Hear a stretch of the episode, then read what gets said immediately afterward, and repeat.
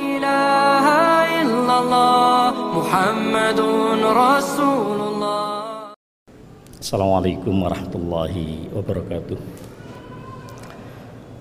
Alhamdulillah Rabbil Alamin Hamdan tayyiban mubarakan fih Kama yuhibbuhu Rabbuna wa yardah Wassalatu wassalamu ala sayyidil anam Sayyidil anbiya'i wal mursalin Habibin wa qaidin wa qurrati ayun Muhammad ibn Abdullah Alihi wa sahbihi Wa min istanna bisunnatihi ila yumiddin amma ba'd.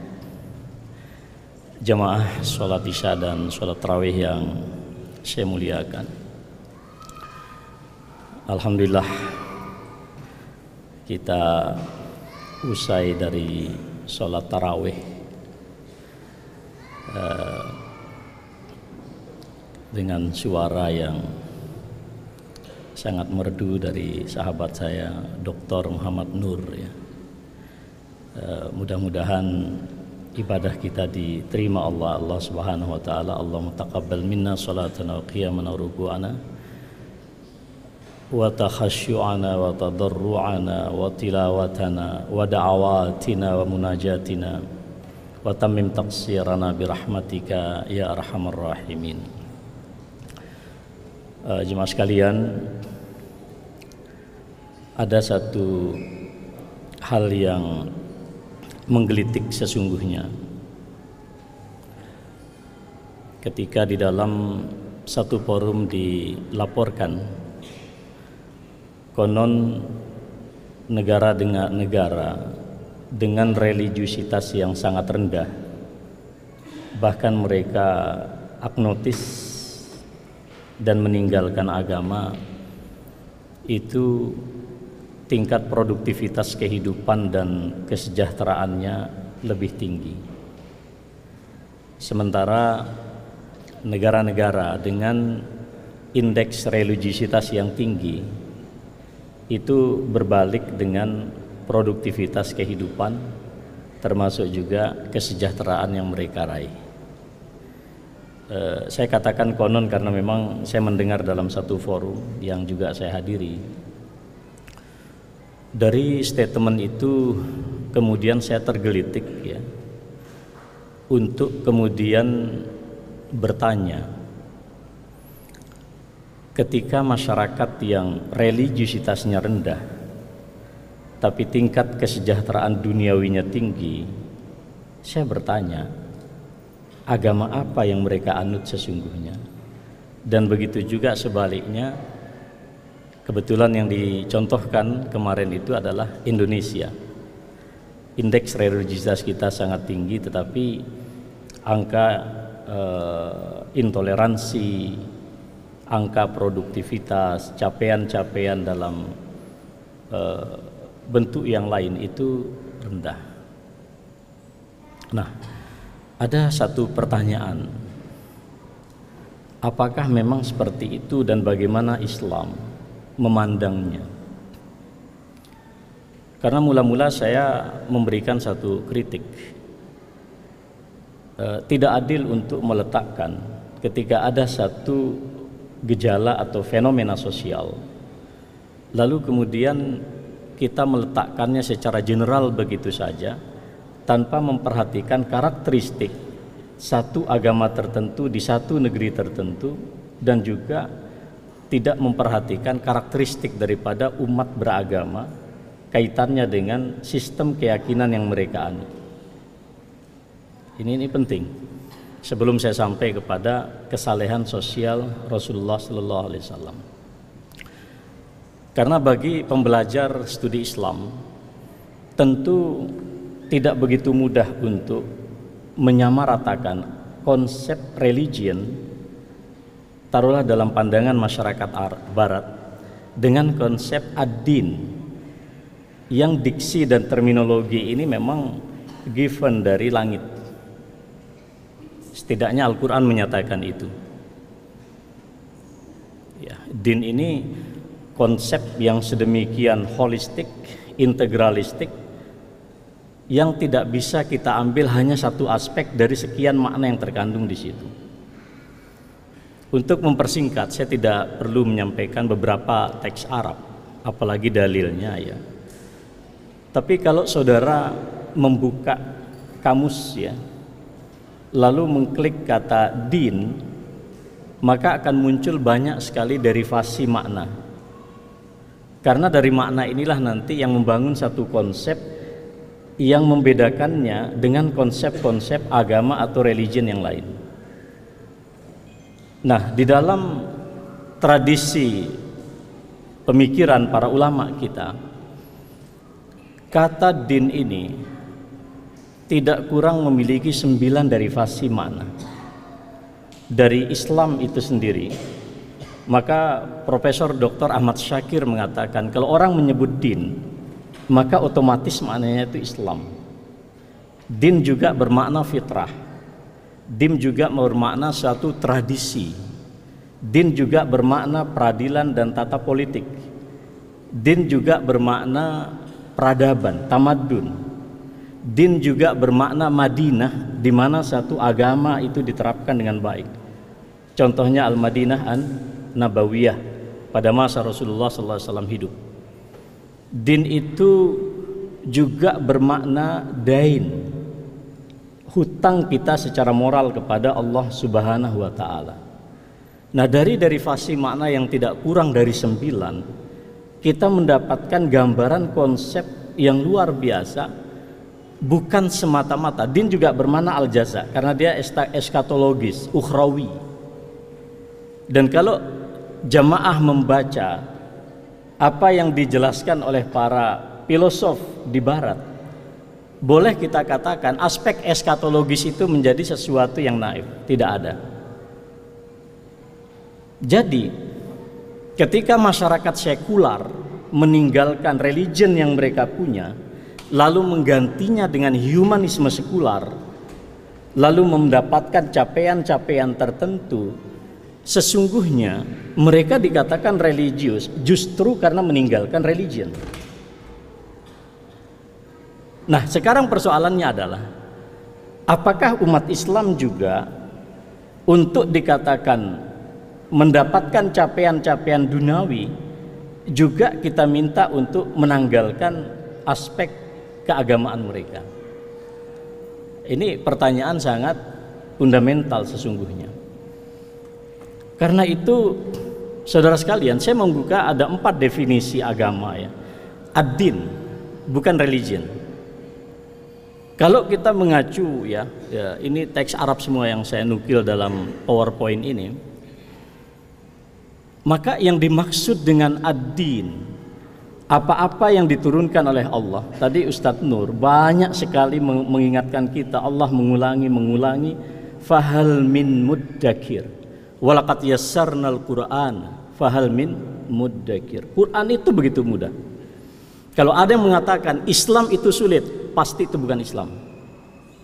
Karena Allah sendiri mengatakan itu. Ma ja'ala alaikum min haraj tidak ada maksud Tuhan Allah menjadikan satu kesulitan di dalam kita beragama. Maka para ulama kita memberikan definisi ad-dinul islami apa-apa yang diturunkan oleh Allah di dalam Al-Qur'an dan juga dijelaskan oleh Rasulullah sallallahu alaihi wasallam dari aspek-aspek yang bersifat perintah dan larangan termasuk segala bentuk petunjuk Apakah petunjuk itu bersifat duniawiyah atau petunjuk itu bersifat ukhrawiyah? Definisi ini yang tidak ada di dalam pandangan para ilmuwan sekular. Apa maknanya? Tidak tepat kemudian kalau religiusitas otomatis seolah-olah menjadi berlaku universal begitu saja. Nah ini kita agak khawatir saudara sekalian karena juga data menyatakan hari-hari ini anak muda kita kaum milenialis itu lebih senang menjadi agnotis. Tidak suka beragama tapi suka menampilkan aspek-aspek humanitas. Nanti bagaimana Rasulullah menteladankan kepada kita? Ini satu di antaranya nah dari definisi ad-din itu tadi ad-din ya. Lalu kemudian para ulama kita menyebutnya tadayun yang kalau kita kemudian Indonesiakan dia barangkali saya tidak mengatakan persis sama tapi keberagamaan. Jadi tadayun kediniahan kita itu yang dimaksud dengan at-tadayun. Dari aspek tadayun ini kemudian saya mencoba membandingkan ada empat definisi yang disampaikan oleh para ulama kita. Yang paling sederhana adalah tahammuluddin wa syir'atan wa minhaja. Bagaimana yang disebut dengan tadayun itu adalah bagaimana agama ini kita bawa di dalam hidup kita, kemudian menjadikan agama ini sebagai pedoman kita di dalam menunaikan aspek-aspek ritualistik, tapi juga menjadi the way of life kita. Itulah keberagamaan, itulah tadayun. Kemudian juga dikatakan al-kasbul insani, dia adalah perolehan yang bersifat manusiawi, ya seperti apa komitmen kita terhadap ajaran-ajaran Islam secara holistik, secara menyeluruh. Lalu bagaimana kita mendrive kehidupan kita di semua aspek ini sesuai dengan ajaran Islam. Ada dua, dari sini saja kita sudah mendapatkan gambaran. Nah, oleh karena itu saudara sekalian, dari tiga terdapat definisi yang disampaikan oleh para ulama saya kemudian menyederhanakan yang disebut tadayun secara fair di dalam agama kita adalah bagaimana kita mengimplementasi mengaktualisasikan tiga martabat di dalam beragama sekaligus secara holistik apa tiga martabat agama yang pertama Islam aspek-aspek yang bersifat zahiriah yang kedua adalah aspek-aspek yang bersifat kalbiyah karena ini menyangkut aspek fundamental keimanan kita, pembenaran terhadap semua informasi agama yang memang valid. Dan yang ketiga, martabat yang paling tinggi adalah al-ihsan. Al-ihsan itu langsung didefinisikan oleh Nabi dan dibenarkan oleh Jibril. Anta abudallah ka'annaka tarah. Anda menyembah Tuhan, menghambakan diri kepada Allah seolah-olah Anda melihat Allah. Kalau Anda tidak melihat Allah, yakinlah Allah melihat Anda. Lalu di sini kemarin ada juga ilmuwan dari Amerika, kebetulan di forum itu juga sampai berani mengatakan Tuhan itu bisa diru'yat. Saya berpikir kalau hilal saja satu negeri ini berdebat, saya ingin bertanya, Tuhan itu bisa dilihat di, di derajat berapa di atas ufuk? Itu pun juga terlalu mengada-ngada, Pak, terlalu spekulasi. Lalu hadis-hadis yang digunakan itu hadis-hadis yang dikategorikan oleh para ulama sebagai hadis yang memang maudhu, hadis palsu. Terlebih lagi aspek historisitas, dua tokoh sahabat yang sering dinukil Muawiyah bin Abi Sufyan dan Aisyah radhiyallahu taala anha. Muawiyah belum masuk Islam, bagaimana dia bercerita tentang peristiwa Isra Mi'raj. Aisyah memang sudah menikah dengan Nabi tapi dia belum serumah. Bagaimana dia bercerita tentang peristiwa dia ber, dia rehat bersama Nabi malam itu dan banyak lagi kejanggalan-kejanggalan.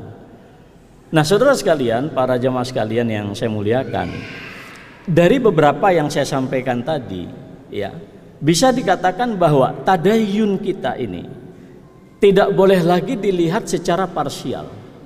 Sampai saya berani mengatakan apa iya negeri Islam ini, negeri Muslim Indonesia ini, ketika katanya indeks korupsi itu banyak, saya kok tidak yakin para koruptor itu orang yang selalu rajin menunaikan sholat tahajud. Pernah nggak di riset? Kalau oke, okay, dia koruptor dan dia tahajud, pernah nggak di, di, diuji seberapa indeks keimanan yang ada di dalam kolbu? Karena di dalam Islam, aspek keberagamaan kita itu nggak boleh lepas, Bapak Ibu sekalian. Nggak boleh lepas. Jadi antara aspek sholat Lalu bagaimana kita berlaku kepada manusia dan bagaimana kita meletakkan Allah itu tidak boleh disconnected. Kalau disconnected maka terjadi hipokrasi. Mungkin dia sholat tapi formalistik. Nanti akan saya sampaikan dan ini bukan wacana baru di dalam Islam. Saya ini bukan berapologi ya. Saya hanya ingin mengajak para peneliti, mari kita membuat indeks yang lebih fair sesuai dengan konsep agama masing-masing. Jangan sampai kemudian ketika orang Eropa rame-rame meninggalkan agamanya, lalu mencapai kemajuan, lalu kita mengambil satu kesimpulan bahwa meninggalkan agama itu adalah syarat daripada kemajuan. Lah kalau ini yang terjadi bisa kacau balau. Sementara konsepsi din dengan konsepsi religion sama sekali tidak bisa di, di, disama-samakan kayak begitu. Nah ini kan nalar yang kritis pak. Jadi saudara sekalian yang saya muliakan, iya, ini persis dengan definisi iman. Kalau anda membuka ya, salah satu yang saya buka ini kitabnya Imam Ibnu Taimiyah, tapi dia menulis ya dari seorang ulama, dia menukil Sahal bin Abdullah At-Tusturi. Beliau hidup di tahun 200 Hijriah sampai 283 Hijriah meninggal dunia. Ketika beliau ditanya, "Mahwal iman?" Maka beliau menyatakan iman itu adalah manifestasi integral antara aspek perkataan, perbuatan, niat dan sunnah. Sunnah ini aspek normatif wahyu. Kata beliau, kalau hanya perkataan tanpa diaktualisasikan dalam bentuk nyata, itu kekufuran. Jadi kalau Anda hanya mengatakan, saya beriman, tapi Anda tidak komited dengan semua ajaran, hanya ucapan omdo, maka itu justru kekufuran walaupun KTP Anda Islam. Ini yang disebut dengan al-kufrul asgar. Kekufuran yang bersifat praktis, bukan kekufuran yang bersifat teologis. Teologis Anda tidak kufur. Sama dengan ayat Allah, la in syakartum la azidannakum, wala in kafartum jika kalian kafir itu bukan kafir teologis, tapi kafir secara praksis. Jadi dimensi ini juga perlu diuraikan. Lanjut beliau, wa idza kana qaulan wa amalan bila niat jika dia memenuhi aspek perkataan dan perbuatan tanpa orientasi yang jelas kepada Allah, fahuwa nifak itu adalah kemunafikan. Mungkin baik dia secara sosiologis baik dia secara manifestasi politik tapi Tuhan absen di dalam paradigma kehidupan dia. Itu hipokrasi kemunafikan. Jika dia perkataan dan perbuatan tapi tanpa dasar yang jelas secara normatif di dalam wahyu maka itulah perbuatan mengada-ngada ini kalau saya sebut bid'ah nanti kaget. Itu ulama kita. Maka saya sampaikan di forum itu, kalau ingin mendefinisikan apa itu tadayun, kembali kepada tradisi Islam. Karena Islam yang punya konsep. Jadi tidak fair. Jadi kalau mau kita serius, monggo. Karena faktanya di Indonesia juga partai yang sekular itu, pelaku korupsinya itu lebih tinggi dari partai yang di branding sebagai partai keagamaan. Cuman ini kan media massa aja sebetulnya. Cuman kita tidak setuju juga kalau hal-hal yang tidak fair ini digunakan untuk melakukan stigmatisasi. Sementara Indonesia ini mohon maaf per statistik indeks religiusitasnya itu 93 persen. Saudi Arabia pertumbuhan angka ateisme itu 1,5 persen. Eh, eh, sampai di angka satu setengah dan sampai tiga persen. Dari populasi 40 persen itu tidak kurang dari seribu sejuta lima ratus orang mengklaim sebagai ateis. Mesir 7-20 persen. Turki yang hiruk pikuk itu 68 persen. Cina 2 persen. Jepang 10 persen. Jadi luar biasa Indonesia ini Saya konfirmasi data statistik ini kepada Profesor Buya Syafi'i Ma'arif. Dia bilang Anda benar. Karena angka orang Islamofobia di negeri ini mungkin kurang lebih lah di angka 7% dia bilang. ini saya kira cukup valid. Data saya dapatkan dari Profesor Dr. Wan uh, Wan Daud yang ada di Kuala Lumpur dan saya konfirmasi kepada beberapa para ilmuwan kita yang ada di sini. Nah, karena itu saudara sekalian yang yang saya muliakan, Al-Imam Asy-Syafi'i, Muhammad Ibn Idris Asy-Syafi'i, beliau mencoba merumuskan secara simpel dan beliau menukil ijma para sahabat, para salaf dan mengirim mengatakan simpel saja, aspeknya tiga. Tasdikun bil qalbi, yu pembenaran dengan lisan, apa dengan kolbu, ikrarun bil lisan, diikrarkan dengan lisan secara verbal, barulah kemudian amalun bil jawari. Ada tiga aspek yang tidak boleh lepas. Maka kalau menguji tadayun orang Islam atau mohon maaf istilah teknis tadi religiusitas dipakai, maka ketiga ini harus diukur, Pak. Seperti apa indeks kolbu dia? Seperti apa indeks statement dia?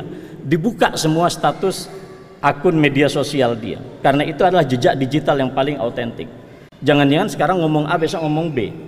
Lusa tergantung musim. Berarti dia tidak konsisten. Dan seterusnya. Nah, di dalam Islam pilihan kita mengapa harus integralistik dan totalitas karena memang perintahnya begitu. Ya ayyuhalladzina amanu dukhulu fis silmi kafah. Tidak boleh parsial.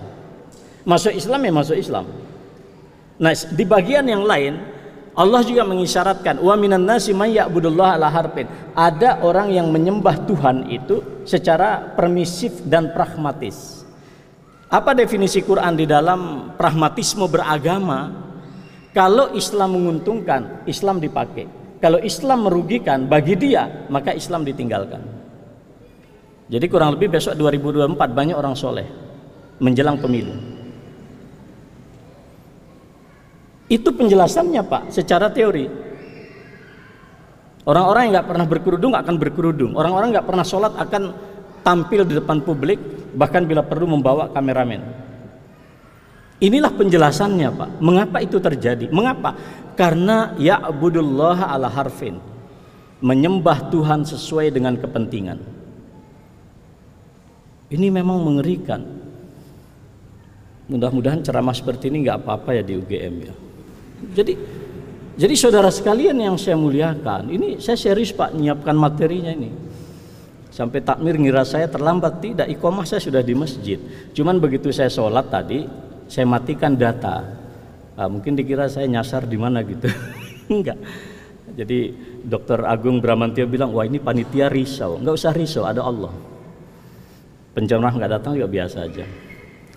Jadi saudara sekalian yang saya muliakan, jadi diksi kafah, integralitas, totalitas sangat penting. Agar kita tidak terjadi kekacauan di dalam memahami konsep.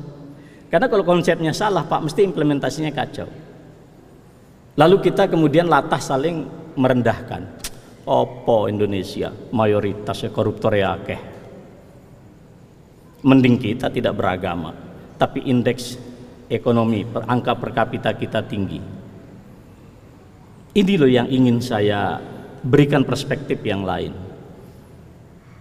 Nah, jadi saya kira saya bertanggung jawablah dengan pertanyaan apa pernyataan ini. Nah, saudara sekalian, saya ingin memberikan contoh. Kalau religiusitas itu diambil secara parsialis parsial, secara terpotong-potong juz'iyah, maka lihatlah apa yang terjadi di dalam religiusitas Khawarid. Ketika orang-orang Khawarid datang kepada Rasulullah, "Wahai Muhammad, berlaku adillah kau." Nabi Muhammad kan loh seorang nabi dikata loh kalau aku tidak sanggup berlaku adil dalam pandangan sampean lalu siapa yang bisa menegakkan keadilan lalu sahabat marah wahai Rasulullah izinkan saya akan saya tebas lehernya. Ini ekspresi marah Pak. Nabi katakan jangan. Karena di belakang mereka terdapat komunitas yang jika kalian bandingkan sholat kalian dengan sholat mereka nggak ada apa-apanya. Puasa kalian dengan puasa mereka nggak ada apa-apanya. Jidat mereka hitam. Tapi kata Rasulullah Quran yang mereka lantunkan jangankan masuk di kolbu tenggorokan aja nggak nggak tembus maka mentalitas khawarid lah kalau ini yang kita gunakan pak bahwa religiusitas itu hanya orang yang di masjid lalu kita abaikan aspek dia korupsi di kantor yang nggak benar dong nggak boleh nanti akan disampaikan fakta-fakta di dalam kehidupan Nabi yang satu lagi sekarang murjiah. Murjiah ini juga teologi awal, Pak. Apa kata mereka? Iman itu yang penting yakin saja sama ucapan. Amalan nggak perlu. Sehingga mereka membangun satu kaidah, ya. Uh, la tadurru uh, apa di sini bahasanya itu la tadurru ma'al imani maksiatun. Iman kalau sudah diklaim di dalam hati dan diucapkan saja, maka maksiat apa pun nggak ngaruh. Tapi kata mereka juga kamalatan fa'u ma'al kufri ta'ah. Ketika dia mengalami kekufuran, sehebat apa pun ketaatannya di hadapan Allah, itu juga enggak bermakna. Berarti Pak, dari sejarah awal saja tentang tadayun atau religiusitas tadi yang disebut, itu sudah sedemikian rupa dikawal oleh para ulama kita. Nah, karena itulah saudara sekalian yang saya muliakan, di sini ada lebih menarik lagi ya. Sehingga saya katakan tadayun itu disimpulkan ya bahwa manifestasi konkret secara holistik aspek akliyah, kolbiah dan jasadiyah. Bayani, burhani, irfani. Ini sering kali ini disebut terhadap keseluruhan aspek ajaran Islam dalam berbagai lini dan aspek kehidupan pribadi, keluarga, masyarakat, termasuk dalam konteks kehidupan kemanusiaan universal, kehidupan berbangsa dan bernegara. Nah, jadi ingat, religius itu dalam Islam gak hanya sholat malam, tapi juga nggak hanya aktivitas intelektual, Pak, tapi juga nggak hanya aktivitas sosial. Jadi ya harus, Pak. Memang berat jadi orang Islam itu humanitas kita harus hidup, spiritualitas kita harus hidup, intelektualitas kita pun juga harus hidup. Di samping ada intuisi. Ini adalah kekuatan nurani rohani kita. Nah, memahami tadayun secara parsial maka akan melahirkan juga manifestasi yang parsial. Kita akan kecewa. Ustadz kok korup ya? Tokoh agama kok seperti itu ya? Ini kan ucapan-ucapan yang sering, Pak. Apalagi kemudian diiringi dengan eh, apa namanya agitasi dan provokasi-provokasi di sosial media, tambah nggak jelas. Nah, saudara sekalian yang saya muliakan, ya, jadi kalau kita berhenti pada aspek yang zahiriah, maka itulah menurut para ulama disebut dengan atadayun asyakli, eh, religiusitas yang bersifat artifisial, ya kan? Coba Anda lihat. Orang masuk di penjara, apa yang ditampilkan? Religiusitas. Pakai peci, pakai baju koko. Bila perlu pegang tasbih. Ada orang mukul seorang tokoh. Kata pejabat kita, larinya ke pesantren. Ini kan ya perlu kita ini loh Pak gitu loh. Persoalan-persoalan. Kita kita jernihlah Demi Allah saya sangat cinta Indonesia ini. Kemarin saya katakan kalau ada Jepang hari ini datang, saya rela nyawa saya di jalan Allah untuk menghadapi Jepang mempertahankan republik ini. Dan saya akan perintahkan kepada semua mubalik dari Sabang sampai Merauke untuk berperang di jalan Allah, mempertahankan merah putih. Kebetulan saya ketua majelis tablik di pimpinan pusat Muhammadiyah. Saya akan instruksikan mereka.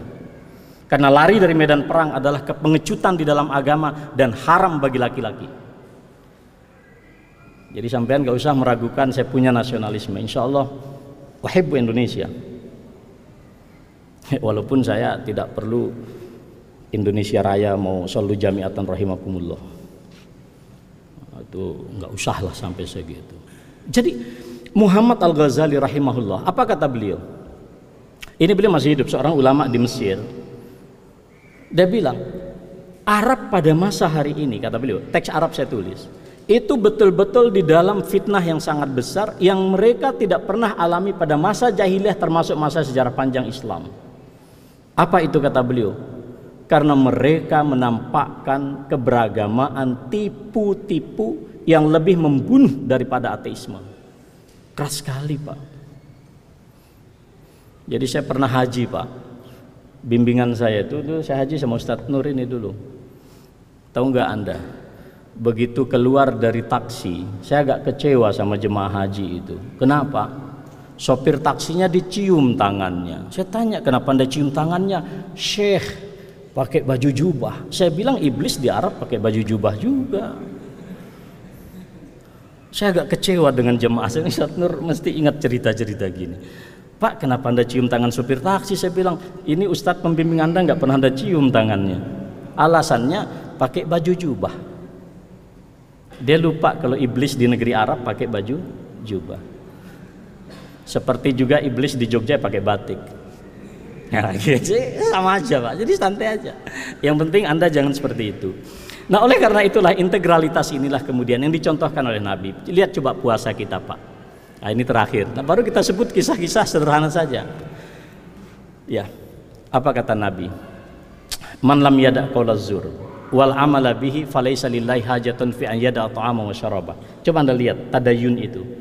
Siapa yang tidak sanggup meninggalkan perkataan dan perbuatan dusta, Tuhan Allah tidak perlu sampean makan atau minum di tengah bulan puasa. Nggak butuh Allah itu. Artinya apa? Aspek yang bersifat vertikal ilahiyah itu menyatu dengan karakter kehidupan sosial kita. Dua wanita begitu dibanggakan di Madinah yuzkaru min khairi sholatiha wa sadaqatiha dan semuanya lah. Seorang sosok yang begitu dibanggakan sholatnya, zakatnya, sodakohnya. Viral di Madinah. Kata Nabi hadirkan.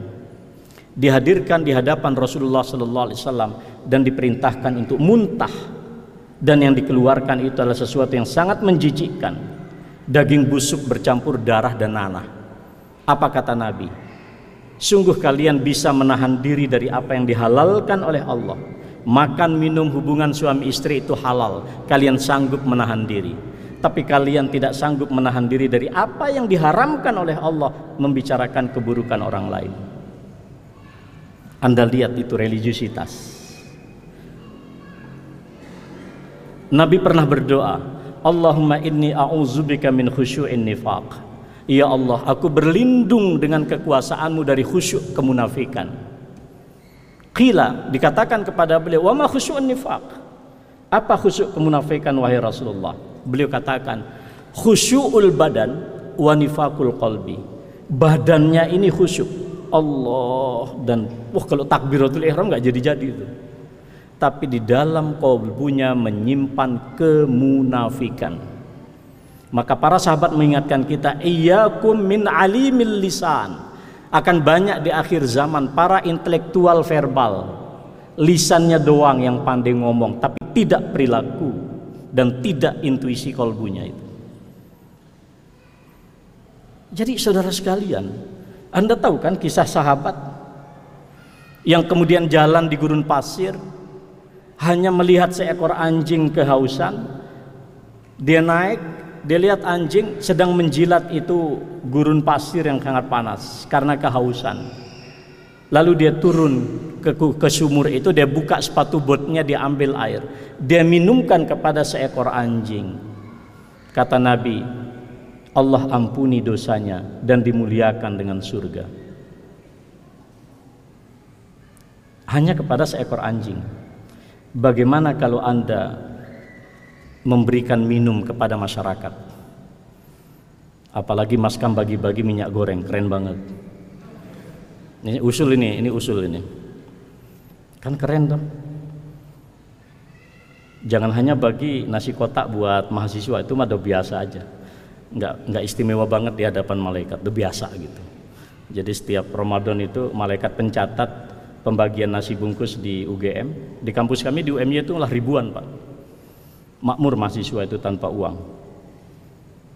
Nah, itu, itu, itu itu contoh pak. Dan banyak lagi yang lain ini. Kalau saya sebut satu-satu, saya saking seriusnya bawa satu buku walaupun tipis tapi banyak isinya. Ya, saya kira apa ya banyak banyaklah ya hadis-hadis yang seperti itu. Etika Rasulullah itu menyatu betul dengan aspek kemanusiaan. Luar biasa.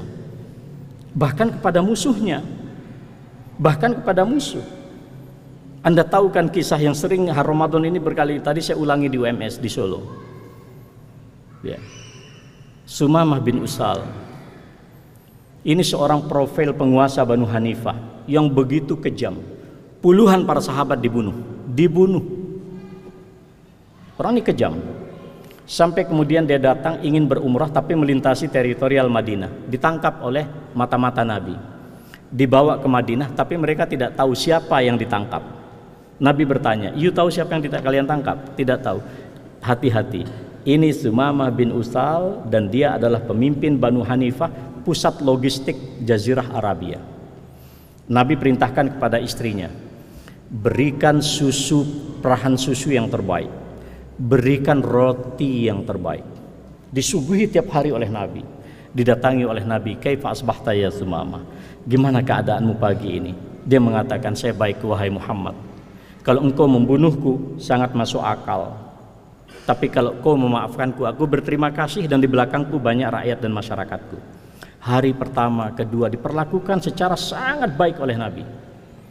Hari ketiga, Nabi kata kepada dia, Hei Sumamah, ini sudah tiga hari.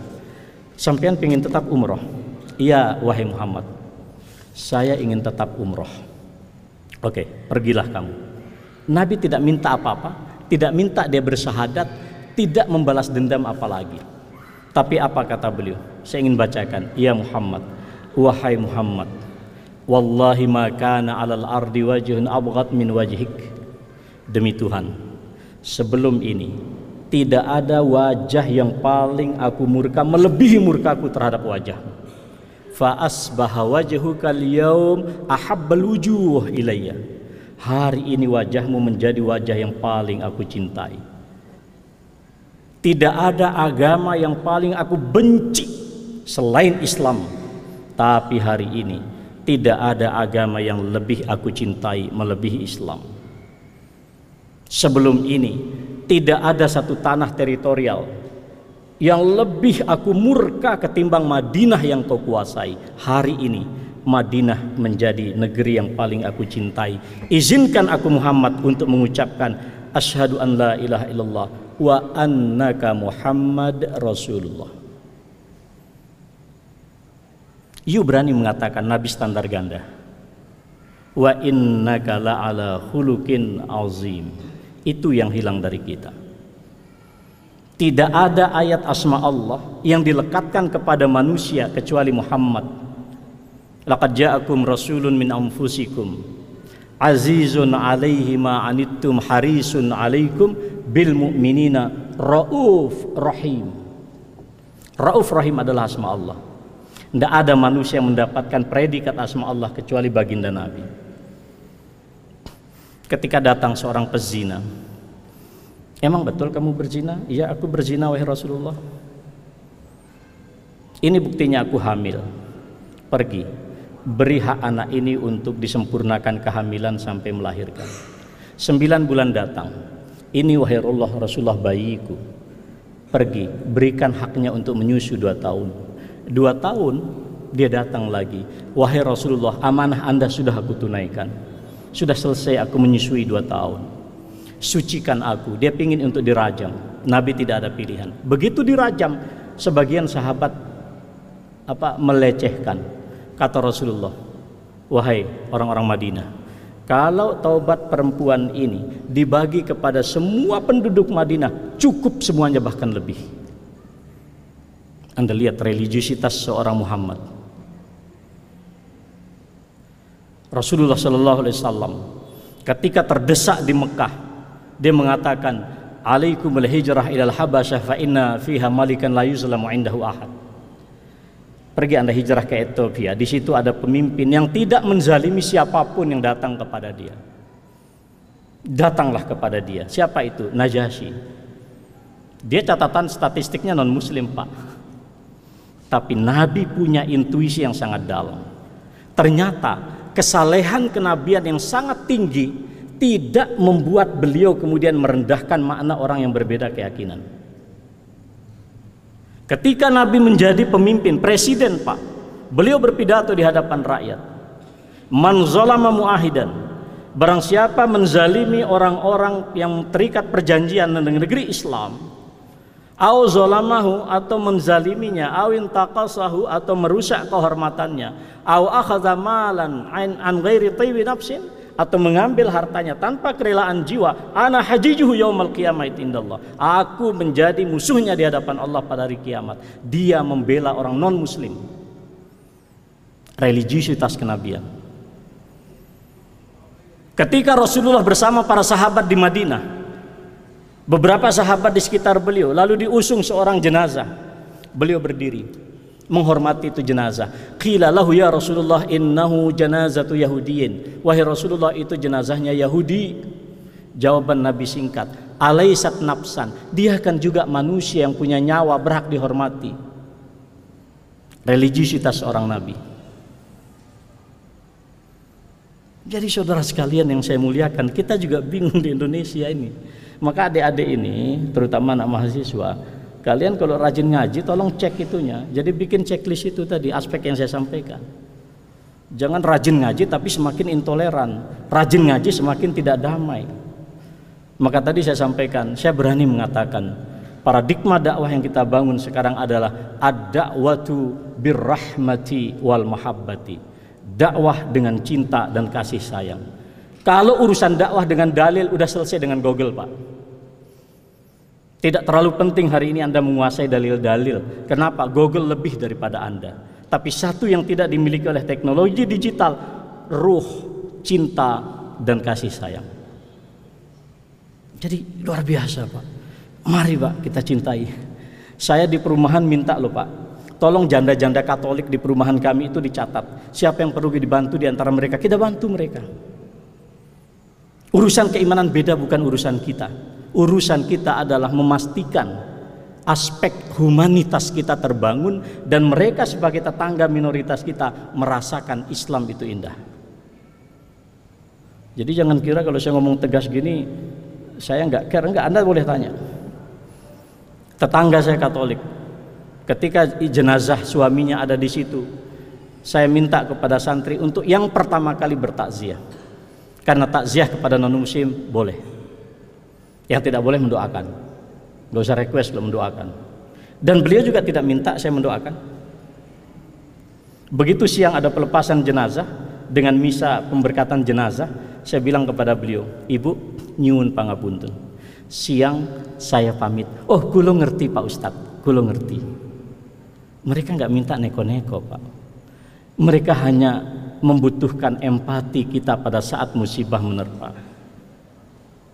Ya Rasulullah lebih lama dari itu. Abu Talib kata siapa? Dia Muslim tidak. Abu Talib kafir. Tapi ada nggak riwayat bagaimana Rasulullah memperlakukan mereka? Apakah Abu Talib diperlakukan dengan cara kasar? Tidak. Bahkan tahun kematian orang kafir ini dinyatakan sebagai amul huzn, tahun duka. Itu fakta sejarah. Berat memang. Nah kalau kita ukur alat alat ukurnya itu setengah-setengah Pak maka jadi kacau balau. Akhirnya apa yang terjadi? Kita semakin tidak confident dengan Islam. Padahal orang-orang baik di hadapan saya ini kan bukan koruptor. Yang koruptor ini ya masjid Pak. Karena di mana? Di penjara KPK.